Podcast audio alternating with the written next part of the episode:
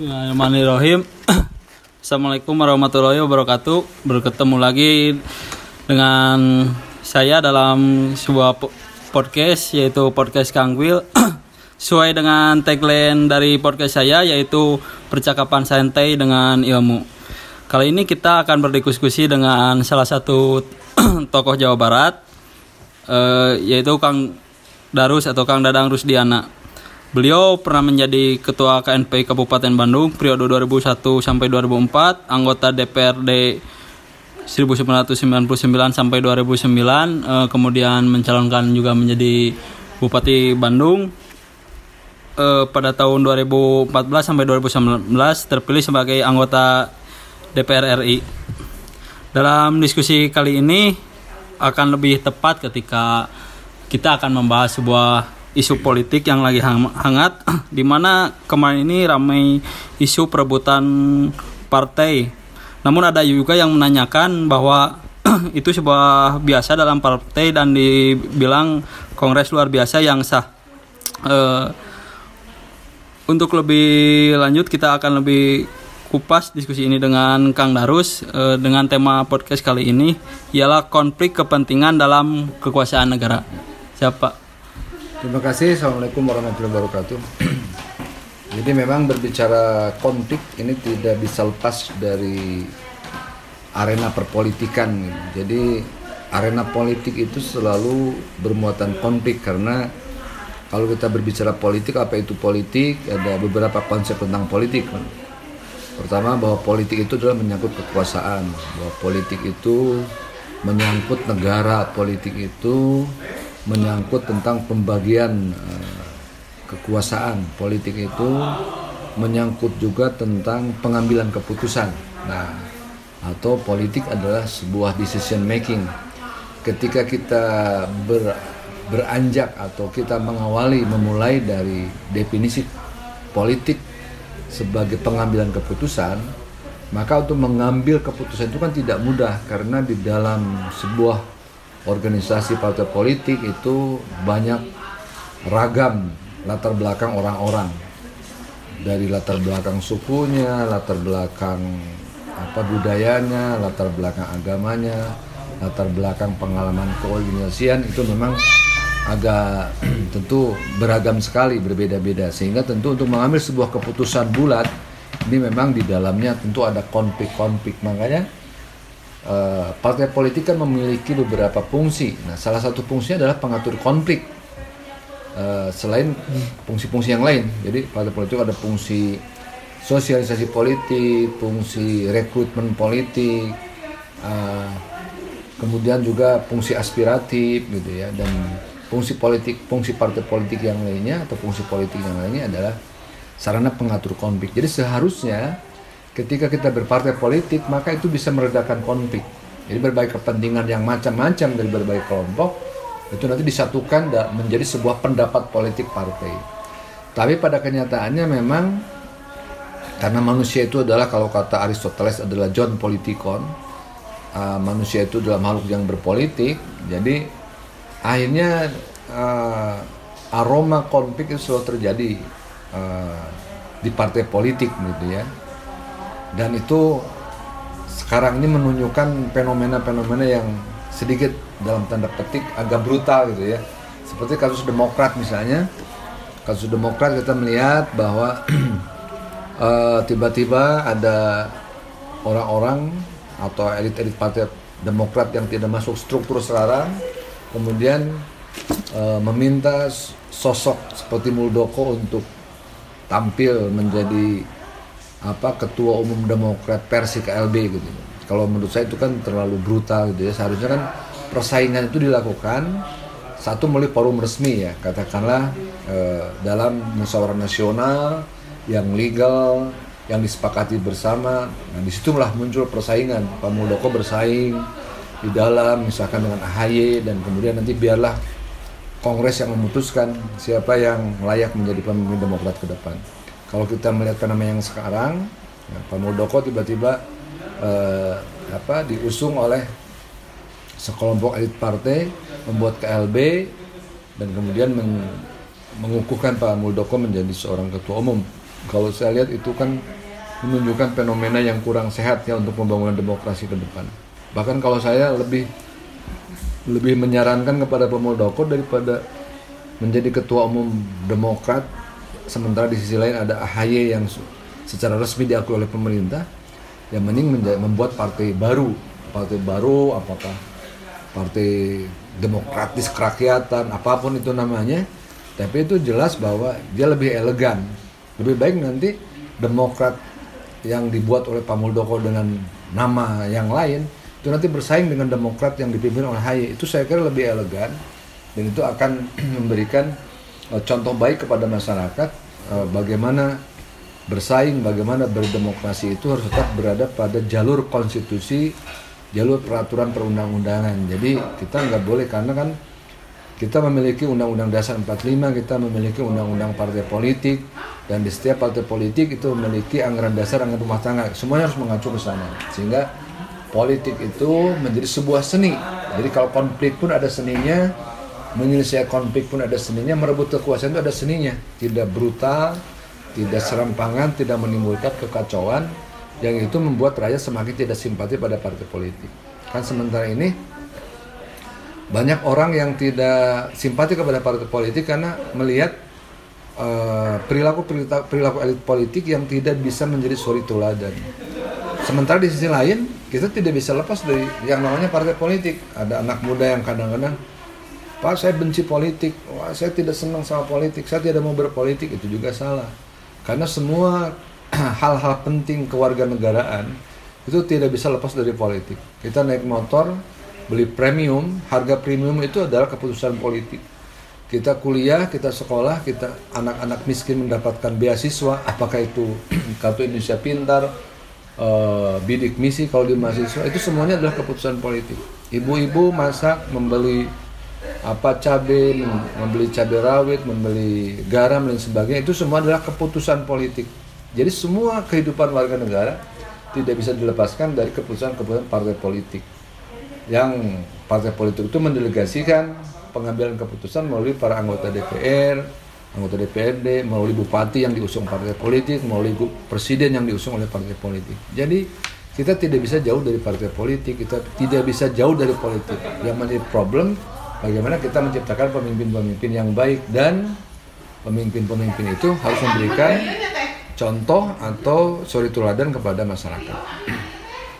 Jadi eh, kepentingan di partai politik itu betul, begitu tinggi ya bagi masyarakat juga ya Pak. Jelas, masyarakat tidak bisa melepaskan diri dari apa yang diputuskan oleh para elit-elit politik. Nah itu yang harus kita garis bawahi. Jadi jangan sampai kita membabi buta untuk membenci politik. Justru yang harus kita lakukan adalah memperbaiki kondisi politik.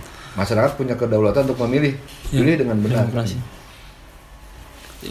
Uh, apa yang menjadi suatu dasar dari kepentingan perebutan partai itu, Pak? Seberapa penting uh, perebut uh, ketua partai bagi seseorang untuk dapat berkuasa? Ya, dalam konteks uh, Indonesia misalnya, ya, kita menganut sistem presidensial uh, di mana kekuasaan pemerintah berada di tangan presiden.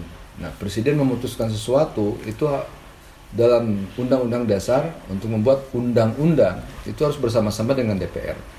Jadi keputusan-keputusan penting itu ada di dua institusi ya. Pertama presiden, yang kedua adalah DPR.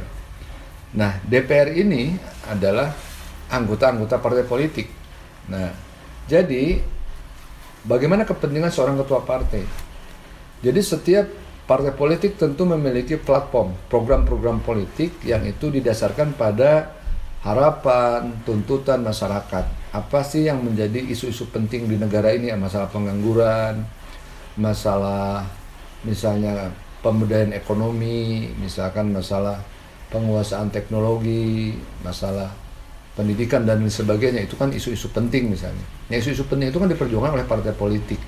Nah, partai politik di situ ada ketua partai yang nanti ketua partai ini yang harus bisa mengatur ritme bagaimana para anggota DPR yang berasal dari partai politik itu memutuskan sesuatu. Jadi partai tentu ketua partai sebagai simbol tertinggi dari partai politik itu harus mampu mengendalikan anggota-anggota partainya yang ada di DPR, di DPRD untuk senantiasa selaras dengan platform partai. Maka kenapa ketua partai menjadi rebutan? Karena di situ dia adalah posisi penting bagaimana untuk ikut uh, mengendalikan perumusan hal-hal penting negara melalui anggota DPR-nya. Walaupun, nah ini walaupun ya, ya tidak tertutup, tertutup kemungkinan kalau orang sudah menjadi ketua partai di tingkat nasional, maka akses kekuasaan menjadi, menjadi lebih, lebih mudah.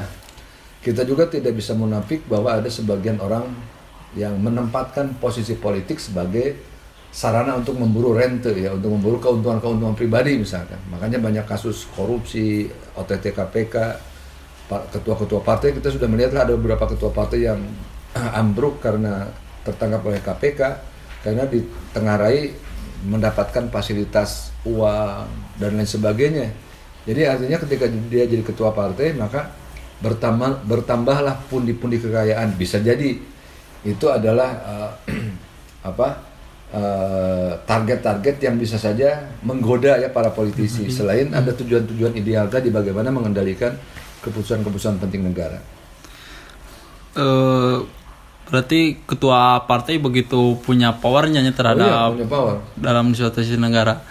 Jadi ketika demokrasi yang pada hari ini yang harusnya kedaulatan di tangan rakyat itu apakah menurut Bapak demokrasi itu sudah selaras oh, pada belum zaman terwujud.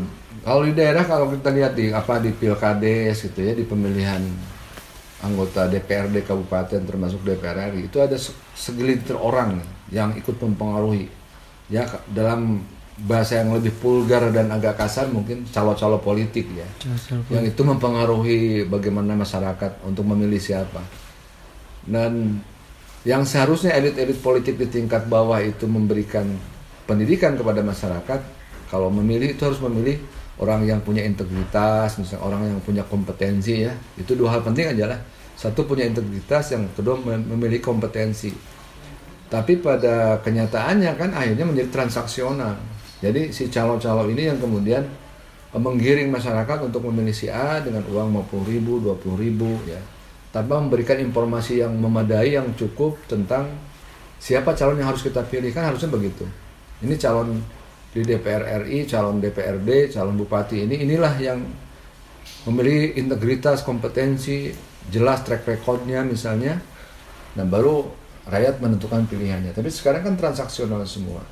Nah sehingga kedaulatan itu belum sepenuhnya ada di tangan rakyat, tapi di tangan segelintir orang. Termasuk misalkan kalau kita lihat bedah di tingkat nasional, ya kekuasaan itu tidak benar-benar kalau kekuasaan pemerintahan ya, kekuasaan pemerintahan tidak benar-benar terpusat pada presiden. Tapi sekarang ada beberapa kelompok-kelompok yang ikut mengendalikan. Jadi situasinya menjadi tidak sederhana. Seperti misalkan kasus kembali ke kasus Demokrat. Pak Muldoko mengambil alih uh, kekuasaan melalui KLB muncul pertanyaan dari masyarakat wah ini mungkinkah presiden terlibat karena nggak mungkin seorang KSP, seorang KSP, kepala staf kepresidenan eh, tanpa izin presiden tuh kata masyarakat menduga-duga mungkin saja Jokowi ikut campur. Itu belum tentu juga. Karena ya banyak kelompok-kelompok di sekitar istana yang tentu uh, ikut mempengaruhi dan punya kepentingan-kepentingan atau agenda-agenda politik tertentu. Jadi tidak bisa semua dinisbahkan kepada presiden. Nah, itu masih oligarkis gitu. Jadi sekelompok orang masih menguasai. Termasuk di lapangan, ya di tingkat grassroots itu banyak sekali elit-elit politik yang menguasai sehingga rakyat itu kadang-kadang disengaja untuk dibodohkan.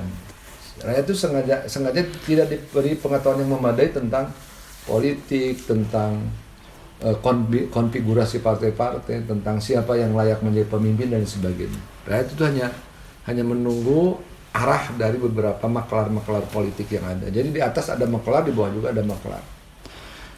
Jadi uh, seperti ada yang menjadi raja-raja kecil ya Pak? Raja-raja kecil. Benar raja -raja. dengan reformasi ini muncul raja-raja kecil. Ini memang prosesnya juga suatu saat nanti mungkin sejalan dengan tingkat pendidikan yang semakin tinggi yang itu yang pertama yang kedua seiring dengan pendapatan per kapita yang semakin meninggi rakyat semakin makmur maka mungkin rakyat sudah tidak berpikir transaksional lagi rakyat semakin mengerti tapi ini kan sebuah proses demokrasi saya kira masih panjang Indonesia untuk mencapai demokrasi yang ideal di mana tadi dikatakan kedaulatan kedaulatan ada di tangan rakyat atau pok populi pok dei suara rakyat ada suara Tuhan itu kan masih perlu perjuangan panjang atau perlu proses begitu eh, ketika demokrasi ideal ter- belum terbangun pada hari ini yang tadi menurut Bapak sampaikan, apa yang akan menjadi dampak terbesar terhadap masyarakat? Ya, jadi sekarang kan begini. Rakyat mungkin akan mendapatkan pemimpin seadanya. Jadi pemimpin itu bisa jadi dia tidak punya integritas tapi banyak duit. Dia terpilih. Jadi moralitasnya compang-camping. Tapi karena duitnya banyak, dia bisa membeli suara. Jadi inilah uh, pilihan kita.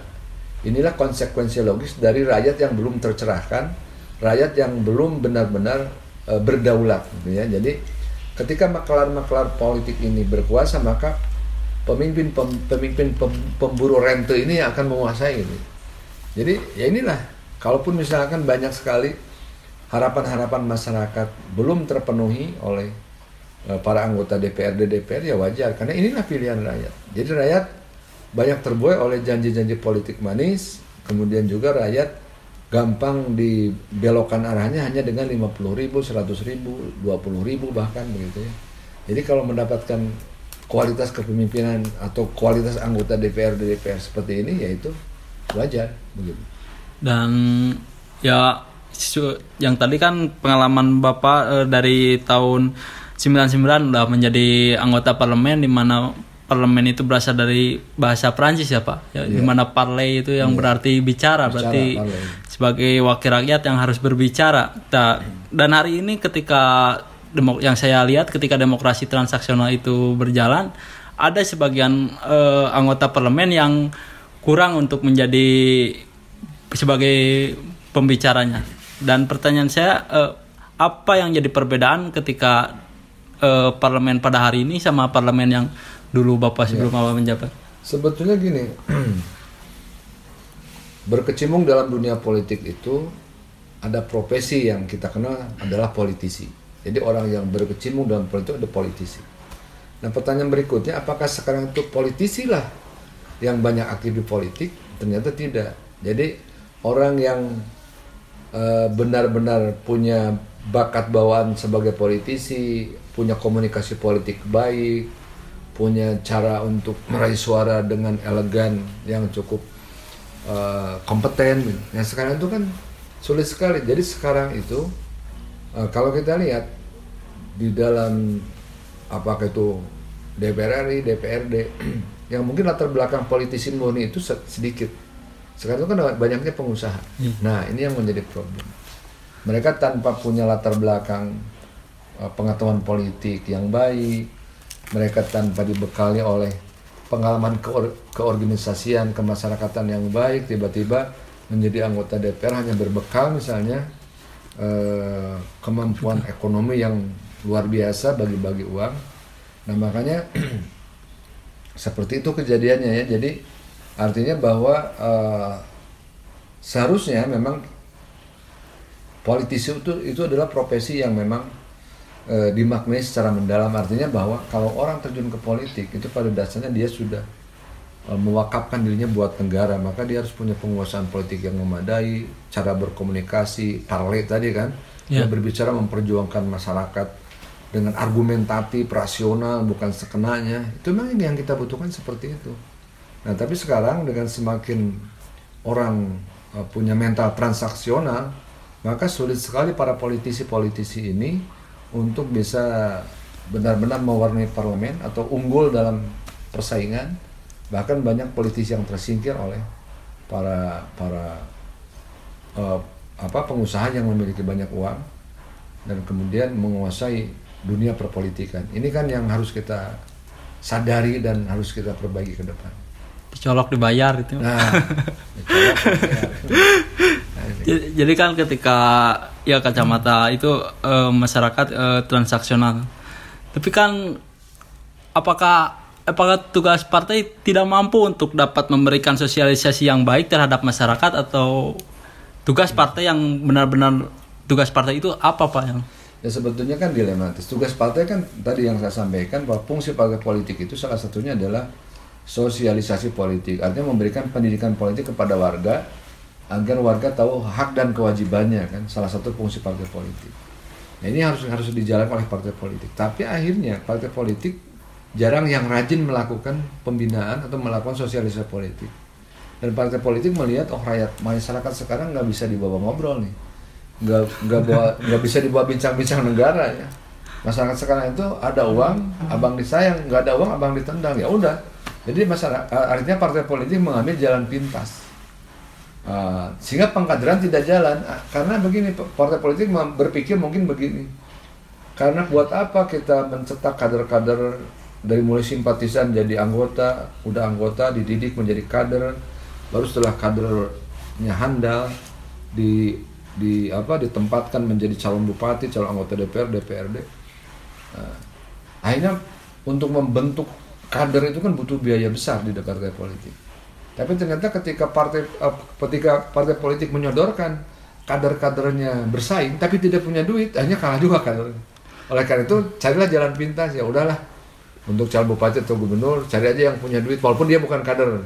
Iya. Carilah artis lah karena kalau artis yang tampil uh, duitnya nggak terlalu banyak keluar tinggal foto-foto-foto masyarakat udah senang sama artis. Jadi akhirnya partai politik cara, cari jalan pintas. Yeah. Siapa yang rugi ya masyarakat karena kalau artis itu ternyata tidak punya pengetahuan memadai tentang pemerintahan, ketika pengusaha itu hanya mencari keuntungan, tidak tahu sebetulnya apa yang dia kerjakan sebagai pemimpin dalam mengatasi masalah-masalah kemasyarakatan, dia nggak ngerti bagaimana mengatasi pengangguran, dia nggak ngerti bagaimana meningkatkan IPM di bidang pendidikan, misalnya IPM di bidang kesehatan, dia tidak memahami bagaimana mengatasi kemacetan, bagaimana dia tidak memahami bagaimana untuk membuat uh, pusat-pusat ekonomi baru. Ya masyarakat yang menjadi korban dari kondisi seperti ini di kos politik yang terlalu tinggi ya untuk ya, menjadi kos yang terlalu tinggi itu kan menghambat orang-orang yang punya integritas dan kompetensi untuk bersaing karena political uh, political cost kita cukup tinggi dan political cost yang cukup tinggi itu hanya memberikan peluang pada mereka yang punya uang ya. terlepas dia punya integritas atau apakah dia tidak punya kompetensi ya dia bisa jalan melenggang karena punya uang. Nah ini yang sebetulnya uh, sering saya sampaikan, serombongan gajah akan memilih pemimpinnya adalah gajah, serombongan monyet akan memilih pemimpinnya monyet, serombongan kalkun akan memilih pemimpin kalkun. Jadi pemimpin-pemimpin koruptor itu lahir dari masyarakat yang korup juga. Berawal dari bawah. tergantung kepada masyarakat juga kan. Inputnya ini kan, output itu kan tergantung inputnya. Jadi output itu bagus, kan fungsi politik itu fungsi dalam dalam sistem politik yang namanya fungsi output itu kan legislatif, yudikatif, eksekutif. Jadi itu in, output kan eksekutif, presiden, gubernur, bupati dan seterusnya. Legislatif DPR, DPRD, yudikatif hakim dan lembaga-lembaga hukum yang lainnya, lembaga hukum lainnya. Jadi eksekutif, legislatif, yudikatif itu baik bila fungsi input ini baik apa itu fungsi input? Ya di situ ada partai politik, di situ ada elit-elit politik, di situ ada masyarakat. Itu kemudian berproses dalam pemilu kan gitu ya. Dan outputnya adalah seperti yang kita saksikan. Jadi buruknya output itu dikarenakan buruknya input. Itu kalau kita melakukan pendekatan sistem politik. Input bagus, output pun insya Allah bagus. Makanya kalau punya pemimpin buruk ya banyaklah beri, beristighfar berarti kita yang salah berarti uh, di trias politika yang tadi ya Pak eksekutif legislatif dan yudikatif tapi kenapa yang selalu ribut itu Pak legislatif Pak. Ya, karena legislatif kan ya namanya lembaga politik. Ya kalau yudikatif kan hakim itu sudah jelas sekali uh, apa tahapan dan prosesnya ya.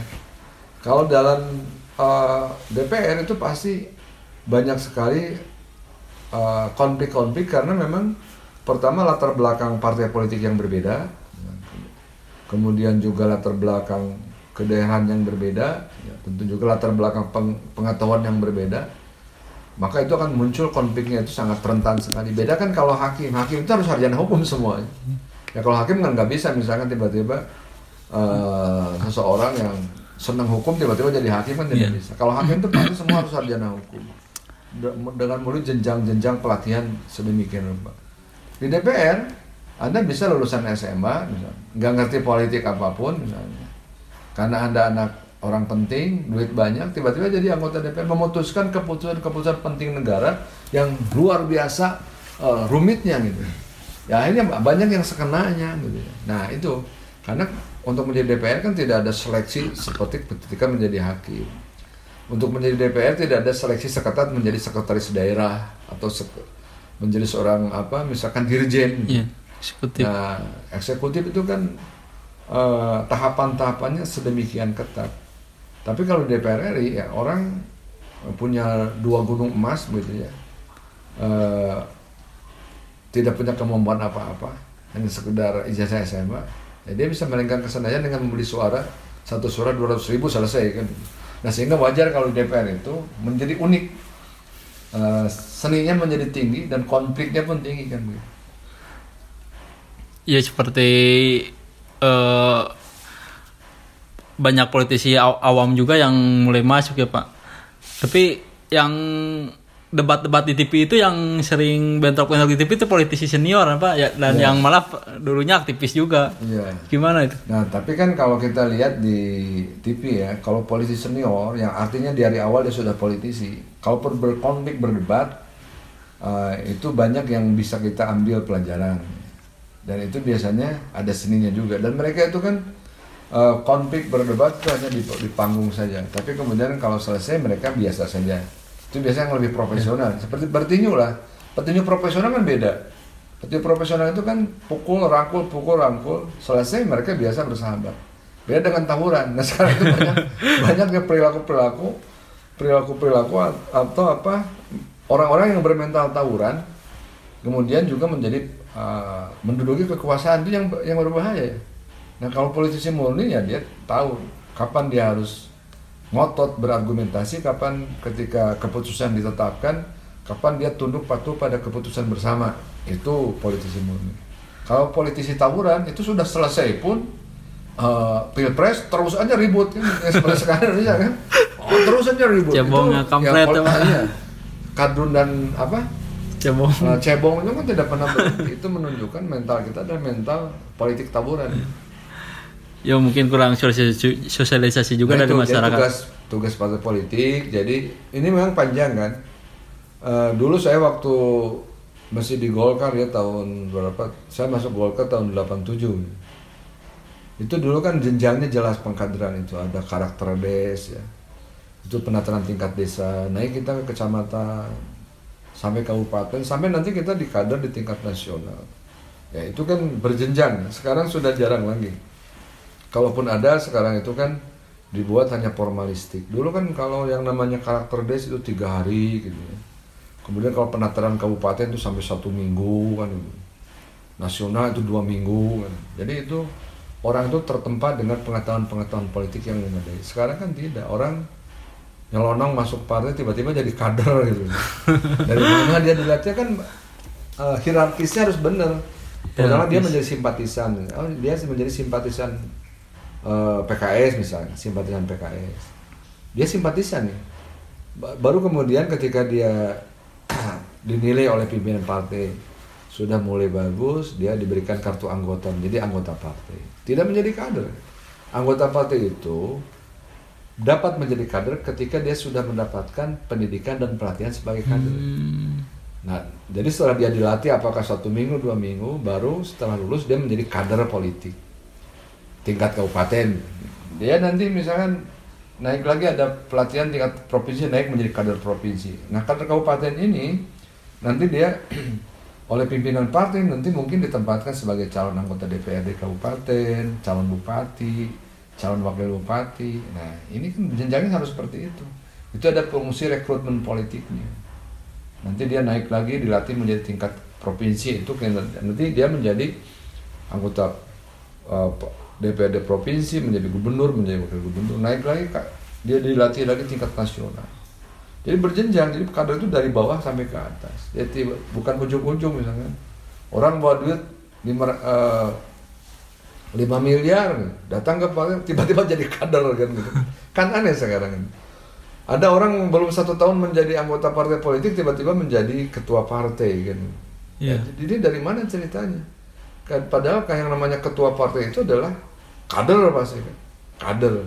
Dan karena itu jenjangnya tadi seperti itu simpatisan jadi anggota, dilatih dulu. Ini orang tanpa dilatih uh, menjadi kader tiba-tiba menjadi ketua partai. Nah ini kan zaman aneh, yang aneh-aneh semua sekarang ini kan.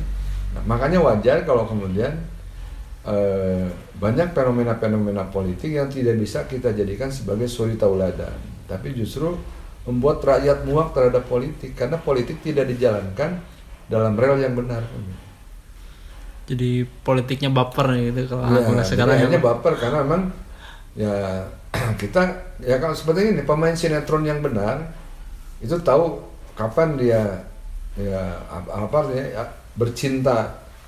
Kalau kalau kita lihat di sinetron kan adegan-adegan seperti suami istri dalam apa film ikatan cinta nih yang senang yeah. ibu-ibu yang senang ya. dan ketika dia udah selesai di sinetron syuting di luar kan dia bukan suami istri dia cuma biasa. Tidak baper nah ini kan sama aja. Uh, kalau kita berdebat di parlemen ya itu biasa kan muncul kata kadang-kadang kata-kata kasar untuk mem, untuk mem, memperjuangkan sebuah gagasan ya. Ketika misalkan berdebat persoalan haji berdebat persoalan beasiswa untuk masyarakat untuk rakyat untuk orang miskin itu perdebatannya panjang. Tapi selesai perdebatan ya nggak ada masalah udah. Ketika diputuskan semua tunduk patuh pada putusan. Jadi sebenarnya mah sah-sah aja ketika uh, yang dibicarakan itu ide dan gagasan ya pak ketika ya. kita kencang juga ya wajar kalau yang diperjuangkannya adalah ide dan gagasan yang nggak boleh kencang itu kalau sudah berbesar duit kan ingin kebagian semua ini kan bagi, bagi. yang nggak boleh bicara bicara bicara hal-hal yang termasuk moral hajat gitu ya pelanggaran terhadap nilai-nilai moral Nah ini, jadi masih-masih banyak yang harus kita perbaiki ya. Bagaimana penyelenggaraan partai politik, bagaimana pengkaderan di partai politik kan gitu. Bagaimana perilaku masyarakat. Ya semuanya tanggung jawab bersama lah. Tanggung jawab partai politik, tanggung jawab elit-elit. Sebab di daerah itu kan dalam sebuah budaya yang paternalistik, bagaimana pentingnya kedudukan tokoh-tokoh masyarakat, tokoh-tokoh agama ya untuk memberikan pencerahan. Saya sering juga misalkan kecewa dengan mohon maaf ya Walaupun tidak semuanya. Ada tokoh agama yang kadang-kadang kalau kita datang justru memberikan contoh yang tidak baik. Seringlah saya saya berhadapan dengan tokoh agama yang mengatakan, silakan Pak, yang penting harus Kahartos lah Bapak kami pilih, tapi kami dapat apa nih? Nah, ini kan politik transaksional yang tidak boleh diucapkan oleh seorang elit politik di tingkat masyarakat. Nah ini kan hal, -hal begini yang mesti kita perbaiki jadi kencangnya itu karena nggak kebagian. Nah, banyak orang ya bicara kritis ya karena dia belum kebagian. Nah itu kan harus kita luruskan. Jadi politik itu kan sesuatu ya. Jadi kalau apalagi kalau dalam konteks agama Islamnya berpolitik itu kan bagian dari dakwah. Politik itu hanya salah satu alat salah satu apa unsur dalam beragama. Maka karena politik adalah salah satu unsur dalam agama maka politik pun harus benar. Karena politik nanti ditujukan untuk mengusung nilai-nilai agama apa itu nilai-nilai agama itu keadilan kan kesetaraan ya. Oh, perjuangan perjuangan untuk membebaskan kaum kaum miskin kaum kaum mustadafin itu kan isu-isu agama ya. jadi pada dasarnya politik itu adalah digunakan sebagai alat pembebasan bagi masyarakat-masyarakat yang tertindas yang tidak apa tidak memiliki nasib yang baik untuk kemudian bersama-sama menjadi penikmat hasil pembangunan negara kan begitu. Maka politik itu menjadi harus dilakukan secara benar berdasarkan prinsip-prinsip kejujuran, prinsip-prinsip integritas dan kompetensi. Dan kebanyakan hari ini emang si konflik itu kalau saya pribadi lihatnya kira kirang kebagian atau dapat kursi. Dan dulu waktu Bapak sering di debat di TV apa yang menjadi sering debat dulu waktu saya tahu itu waktu konflik partai pak ya. bagaimana konflik partai itu yang sesuai pengalaman bapak ya biasanya kan ada gini ada ada sekelompok atau segelintir orang yang ingin berkuasa uh, tanpa Eh, memperhatikan nilai-nilai demokrasi. Nilai demokrasi itu kan pertama adalah mengakui tentang hak-hak perorangan untuk menyampaikan pendapat, ya. Kemudian kesetaraan, equality before the law, sama-sama kedudukannya dalam hukum termasuk dalam eh, berpartai. Kebanyakan kan ada pemimpin partai yang memaksakan diri, kemudian eh, yang tidak sepakat sejalan dengannya, kemudian diberangus, dipinggirkan. Itu yang awal dari konflik. Yang kemudian misalkan eh, ketertutupan di dalam tata kelola eh, kepartaian, terutama masalah keuangan. Karena masalah keuangan itu kan akan menjadi sesuatu yang sensitif. Bila mana eh, tidak dilakukan uh, open management ya. Jadi uang ini asalnya dari mana, dibelanjakan ke mana, ya. karena uang di partai politik itu kan besar, ratusan miliar ya. Itu adalah amanah, amanah semuanya. Dan biasanya kan ada pemimpin partai yang arogan, seenaknya, dan menguasai aset-aset partai juga seenaknya, kemudian diselewengkan untuk bisnis pribadi, itu yang di antaranya memunculkan konflik-konflik. Kalau sudah menyangkut perebutan sumber daya nah, itu akan menimbulkan konflik maka kemudian ada ada saja termasuk saya misalkan ikut melakukan upaya upaya-upaya pelurusan terhadap penyelenggaraan kepartaian sehingga itu memunculkan konflik ya seperti pengalaman saya dulu dengan Pak Wiranto bagaimana saya dengan Pak Wiranto mencoba untuk kembali uh, mengambil alih partai karena partai dulu sudah digunakan untuk dengan cara-cara yang tidak benar. Ya, tapi akhirnya kan tidak tidak selalu mulus perjuangan untuk menegakkan keadilan ini. Karena pada das pada akhirnya ya siapa yang berkuasa di situ yang bisa menentukan. Dan saya bersama Pak Wiranto waktu itu kalah karena memang eh, kekuasaan tidak berpihak pada kita. Jadi itulah politik sebetulnya.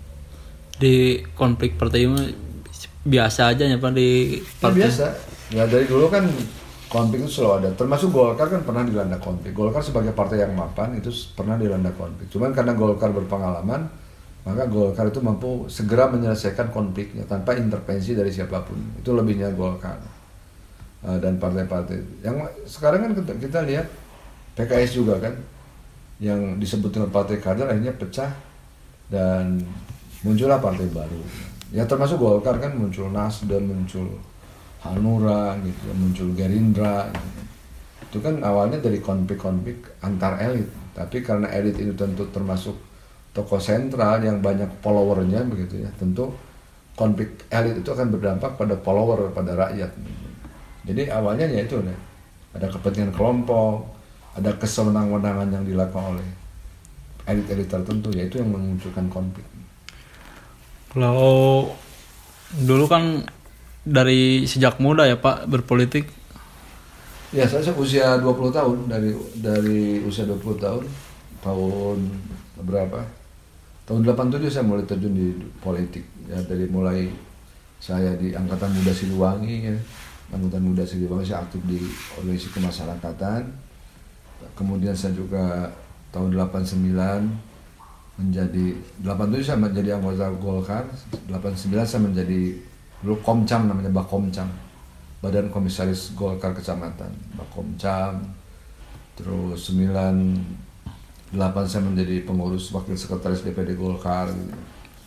nah, memang dari bawah. Jadi kita merasakan bagaimana pahit ketir berpolitik dari mulai naik bebek bahula gitu ya bebek jadul hmm. bebek jual. Astrea nah, kalau Astrea masih apa? Oh. Memang bebek, bebek yang tahun berapa itu kalau didorong-dorong.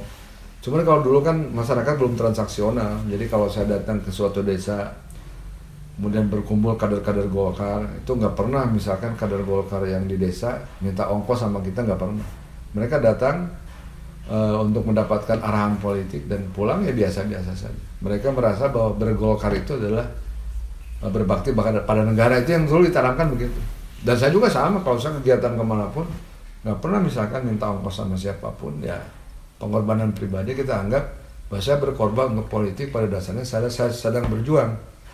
Kalau pejuang dulu misalkan mengorbankan nyawa dengan apa berperang melawan penjajah ya kita wajarlah datang ke desa-desa memberikan pencerahan-pencerahan politik. Kalau itu kalau dulu begitu ditanamkan. Kalau sekarang kan tanpa ongkos nggak nggak jalan. Kargo ya pak. uh, jadi Bapak juga pan e, sebagai salah satu putra daerah Kabupaten Bandung yang berhasil di Jakarta dan kemudian diperhitungkan di Jakarta bahkan menjadi kalau istilah politik pemain panggung di Jakarta ya, ya Pak. Ada suatu kebanggaan atau apa itu pak Ya kebanggaan kan kalau kita dulu kan kita sering tampil di dalam talk show talk show ya di media itu kan alat komunikasi kita juga. Ah, kan sejarahnya dulu, dari dapil 2 ya Jabar 2 itu. Ah, baru waktu saya menjadi anggota DPR RI ah, ba- ah, utusan di dapil 2 banyak tampil di media-media ya, di media-media nasional. Itu menjadi tentu menjadi kebanggaan karena itu bentuk tanggung jawab kita juga kepada konstituen dan kita udah tampil kan banyak komentar melalui WA, melalui SMS itu ya. Eh, terima, nuhun Kang, kita sudah nanti tadi tadi sudah nonton, terima kasih kan. Jadi kan itu bentuk tanggung jawab kita juga. Walaupun itu bukan tujuan pokok itu ya, tapi itulah bentuk komunikasi politik yang bisa kita pertanggungjawabkan kepada masyarakat bahwa kita eh, membuat mereka bangga. Paling tidak mereka membuat mereka bangga. Walaupun tentu eh, medan pertempuran yang sebenarnya itu adalah di komisi-komisi ya ketika kita Ya. rapat-rapat memperjuangkan apa yang dibutuhkan oleh masyarakat Kabupaten Bandung sesuai dengan komisi yang saya bidangi komisi 10 pendidikan kebudayaan pariwisata gitu ya. Eh, tapi tentu ketika kita tampil di media apakah dalam konteks apa misalnya bicara pariwisata, bicara politik kekinian itu tentu membuat masyarakat bangga dan bagi pemimpin kebanggaan buat masyarakat itu menjadi salah satu bagian yang cukup penting untuk membangun spirit integritas kita dalam mewakili mereka. Berarti Bapak sebagai politisi yang salah satu memiliki retorika yang tinggi ya Pak? Ya, insya Allah seperti itu. Itu kan per- per- karena proses belajar aja. Dulu kan saya mulai aktif di Karang Taruna Desa, ya kemudian SMA ikut apa? Ikut, dulu itu kan ada yang namanya dinas, bukan dinas dulu itu, BKKBN ya Badan Koordinasi Keluarga Berencana Nasional Kabupaten yang selalu setiap tahun melakukan dengan dinas pertanian itu BKKBN itu membuat lomba pidato pertasi kencana. Nah saya selalu tampil sebagai peserta pidato ini. Nah, sehingga dari sana saya berlatih kan karena sering tampil dalam lomba-lomba pidato dan beberapa kali jadi juara eh, aktif di Karang Taruna, kemudian di KNPI, eh, di Ormas, AMS dan sebagainya, eh, termasuk di Wirakarya, di AMPI kan. Jadi akhirnya kita menjadi terlatih untuk berdebat. Karena saya kira karena anggota parlemen itu tadi kan parle, dia ngomong-ngomong-ngomong dan ngomong itu adalah senjatanya kalau para petarung di dalam peperangan itu mereka punya pedang seperti Sayyidina Ali punya pedang uh, apa Julfikar itu kan nah maka kita pun adalah pedangnya adalah ketajaman lisan ketajaman uh, perkataan kita yang penuh dengan argumentasi-argumentasi yang rasional dapat dipertanggungjawabkan jadi kemampuan retorika retorika itu memang harus dimiliki oleh para politisi Seperti Bung Karno kalau pada Nah, Bung. Karno itu kan selalu memukau dan gaya gaya pidato yang memukau itu yang yang bisa jadi membuat gagasan-gagasannya diterima oleh semua pihak. Kalau kita tidak bisa meyakinkan publik, tidak mungkin gagasan kita kan bisa diterima. Kalau eh, ketika di TV kan dulu ada ada saja orang yang berbeda pendapat dan kemudian memberikan negatif komen. Terus gimana pendapat? Ya itu wajar. Jadi kalau politisi kan wajar kalau ada kritik, kalau ada hujatan kita anggap biasa saja. Tidak boleh dibawa ke perasaan gitu ya. Iya. Anggapnya biasa. Karena ini manusia kan bahasa begitu, pro dan kontra. Ah, banyak lah dihujat-hujat segala macam. Itu wajar saja. Dan ya kalau bahasa ya sebetulnya kan kritik itu kita anggap sebagai ya, upaya untuk memperbaiki diri kita kan. Hujatan ya anggap sebagai penggugur dosa gitu aja kan. Kalau hujatan itu kan bukan sesuatu yang bisa kita jadikan sebagai dasar evaluasi. Hujatan itu anggap sebagai penggugur dosa saja. Tapi kalau kritik kita anggap sebagai alat untuk memperbaiki apa yang sudah kita lakukan. Jadi dianggapnya harus biasa-biasa saja. Jangan berperan gitu kalau politisi. Kalau eh, puncak dari kepuasan dari berpolitisi itu berkuasa atau apa Pak? Ya kalau politisi kan berkuasa. Ya berkuasa itu kan paling tidak serendah-rendahnya menjadi anggota parlemen. Setinggi-tingginya menjadi pemimpin eksekutif kan. Itu politisi kan begitu. Ya itu adalah kepuasan. Ya kepuasan apa poli, ke, kepua- karena politik adalah kekuasaan, ya berarti kepuasannya adalah kepuasan ketika kita berkuasa. Kenapa puas dalam berkuasa? Karena dengan berkuasa kita bisa optimal melakukan yang terbaik buat masyarakat. Kan kalau kita berkuasa, kalau kita rakyat biasa kan ada pengemis ya kita paling ngasih dua ribu lima ribu Iya. tapi kalau kita menjadi bupati wali kota gubernur presiden maka dengan satu keputusan mungkin sekian juta orang miskin bisa kita bebaskan ya misalkan seorang presiden jokowi kan satu kali keputusan itu berapa juta eh, pelajar yang dia berikan beasiswa. Berapa mahasiswa yang berapa ratus ribu mahasiswa yang bisa dia arahkan untuk bisa menikmati meja apa kursi pendidikan tinggi. Dan berapa rakyat miskin yang mendapatkan bantuan. Itulah kekuasaan. Jadi kekuasaan itu kita puas karena dengan kepuasan itu kita bisa optimal untuk membuat yang terbaik buat masyarakat. Di eh, ketika kekuasaan itu bukan berarti konotasi negatif ya Pak, tapi Oh, tidak. Kekuasaan itu tidak negatif maka kan kekuasaan itu adalah rahmat dari Allah Subhanahu wa taala. Jadi semua para nabi termasuk Nabi Muhammad kan dakwahnya bisa berkembang karena dia berkuasa. Di periode Madinah Nabi Muhammad bisa mengembangkan dakwahnya secara lebih leluasa karena dia punya kekuasaan. Kekuasaan itu mempermudah. Tergantung pertanyaannya apakah kekuasaan itu mau kita gunakan untuk hal yang buruk atau kekuasaan itu mau kita gunakan untuk hal yang baik? Itu pilihannya ada pada kita. Jadi kekuasaan itu netral ya kita bisa menjadi buruk kalau kekuasaan itu kita gunakan dengan gaya Firaun. Jangan dan kekuasaan itu bisa mulia kalau kita menggunakan kekuasaan itu dengan cara Nabi Muhammad, Nabi Daud, Nabi Sulaiman. Itu kan? Tapi seburuk-buruknya kekuasaan tentu banyak dampaknya. Karena kita sering mendengar kan eh, negara dengan kekuasaan yang buruk lebih baik daripada tidak ada penguasa sama sekali kan. Tidak ada penguasa itu kacaunya bukan main penguasa yang buruk itu lebih baik daripada tidak ada kekuasaan sama sekali. Kita mengenal dulu di Asia Tengah ada penguasa yang namanya Timur Leng dia beringas sekali kan? Dia main bunuh main jagal gitu ya. tapi ya dia dia tetap dikenang oleh rakyatnya sebagai seorang pemimpin yang paling tidak membuat eh, negara aman negara sejahtera. Walaupun kalau dia sudah berhadapan dengan musuh atau orang yang tidak sependapat dengan dia maka dia main bunuh kan kita melihat kalau Timur Leng menun- menundukkan negara lain maka musuh-musuhnya yang dibantai itu kan kemudian dia dia, dia- jadikan mayat-mayatnya kepala-kepalanya itu menjadi tugu ya, bertumpuk. Tumpukan-tumpukan kepala itu menjadi sebuah tugu untuk memperingati kemenangannya. Jadi mungkin dia kejam di satu sisi tapi kemudian juga dia bisa mensejahterakan masyarakat. Jadi seburuk-buruknya kekuasaan tentu lebih bermanfaat daripada negara tanpa kekuasaan sama sekali eh, ketika kekuasaan itu ketika orang berkuasa itu Pak apa yang menjadi eh, indikator atau idealnya pemimpin yang sebagai pemimpin indikator indikator ideal sebagai pemimpin itu apa apa, apa saja? Yang pertama dia kan harus punya integritas ya, nilai-nilai keagamaan.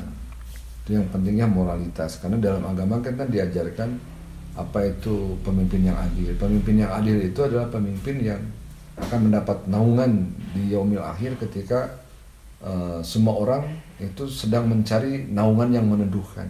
Itu salah satunya golongan yang mendapatkan rahmat dari Allah adalah pemimpin yang adil. Jadi pemimpin itu harus punya integritas. Yang kedua tentu tidak cukup integritas, pemimpin harus punya kompetensi, kemampuan. Karena masalah masyarakat itu masalah yang pelik, apalagi zaman sekarang di era apa revolusi industri 4.0 masalah itu semakin pelik, banyak fenomena-fenomena disruption ya disruption yang membuat sebagian ekonomi ambruk tapi muncul gaya-gaya ekonomi baru. Ya, Itu membu- membutuhkan seorang pemimpin yang cerdas. Maka yang kedua adalah kompetensi. Jadi integritas, kompetensi, dan yang ketiga adalah akseptabilitas. Bagaimana pemimpin itu diterima oleh semua rakyat. Itu membutuhkan sebuah komunikasi politik, kepiawaian dalam berkomunikasi secara politik. Dan eh, ketika di Indonesia ini katanya setelah memimpin itu ada satu hal yang harus dipikirkan pemimpin yaitu politik bagaimana dia mengamankan kekuasaan dan bagaimana dia itu mempertahankan kekuasaannya. Apakah benar Pak sebagai sistem Iya. demokrasi di sini? Manusia pasti punya kecenderungan untuk itu ya. Itu namanya syahwat politik. Apakah itu salah? Ya tidak salah seluruhnya juga ya. Jadi tergantung pada niatnya. Kenapa dia mempertahankan kekuasaan? Apa karena dia merasa nyaman dengan kekuasaan, kenyamanan pribadi, keluarga dan kelompoknya? Atau ya karena misalnya dia ingin mempertahankan kekuasaan supaya kekuasaan itu tidak jatuh pada pemimpin-pemimpin pemimpin yang buruk gitu. Maka dia pertahankan kekuasaan. Jadi kembali kepada niat kenapa dia ingin mempertahankan kekuasaan. Jadi sah-sah saja. Jadi sah-sah saja orang ingin mempertahankan, mempertahankan kekuasaan agar misalkan dia bisa melanjutkan perjuangan, melanjutkan pengabdian kepada masyarakat, menyelesaikan uh, pekerjaan-pekerjaan yang belum selesai kan begitu. Dan ketika memimpin itu uh, bagaimana kita mengurangi konflik agar suatu stabilitas masyarakat terbangun, Pak? Yaitu dengan komunikasi politik. Ya, salah satu fungsi partai politik ya komunikasi politik. Jadi kan komunikasi itu penting untuk uh, memberikan eh, gambaran-gambaran uh, tentang sebuah kebijakan. Kemudian komunikasi politik itu kita butuhkan untuk mengetahui apa yang menjadi keinginan masyarakat atau konstituen. Dan komunikasi politik itu penting untuk meredakan ketegangan antar kelompok. Maka konflik itu bisa kita kurangi dengan komunikasi politik. Dan tentu hal lain adalah bagaimana kita memiliki uh, tradisi atau aturan-aturan yang sudah terlembagakan gitu ya. Jadi ADART, kemudian budaya politik itu harus menjadi bagian penting di dalam sebuah organisasi. Jadi kalau misalkan budaya musyawarah sudah menjadi terlembagakan, maka orang ketika beda pendapat dia sudah ngerti bahwa musyawarah adalah jalan keluar untuk mengatasi berbagai konflik yang ada. Jadi musyawarah harus terlembagakan, budaya politik itu harus terbangun dengan baik, ya, dan komunikasi politik harus terus kita bangun. Ya, tidak terasa pak udah satu jam. Uh, ya gimana closing statement bagi kaum kaum muda di ya pendengar podcast dalam bidang politik untuk berpolitik aktif maupun pasif. Ya. Jadi saya harapkan para para anak-anak muda ya untuk ikut berpartisipasi dalam politik. Politik itu harus kita perbaiki bersama karena siapa pun tidak bisa lepas dari keputusan-keputusan politik. Jadi politik itu sebetulnya punya tujuan yang suci, tujuan yang baik, tapi banyak kali atau sering kali dikotori oleh orang-orang tertentu yang memang sebetulnya tidak paham politik. Nah, makanya generasi muda jangan jauh dari politik, justru politik harus kita perbaiki bersama agar politik ke depan itu benar-benar bisa sejalan dengan keinginan dan harapan masyarakat. Demikian terima kasih. Ya, terima kasih Pak atas waktunya. Mohon maaf bila ada salah-salah kata ya closing statement dari saya uh, dalam politik itu ketika yang tadi di dituangkan darah oleh Padarus yaitu dalam berpolitik ketika berpolitik aktif jangan baperan tapi lebih berperan assalamualaikum warahmatullahi wabarakatuh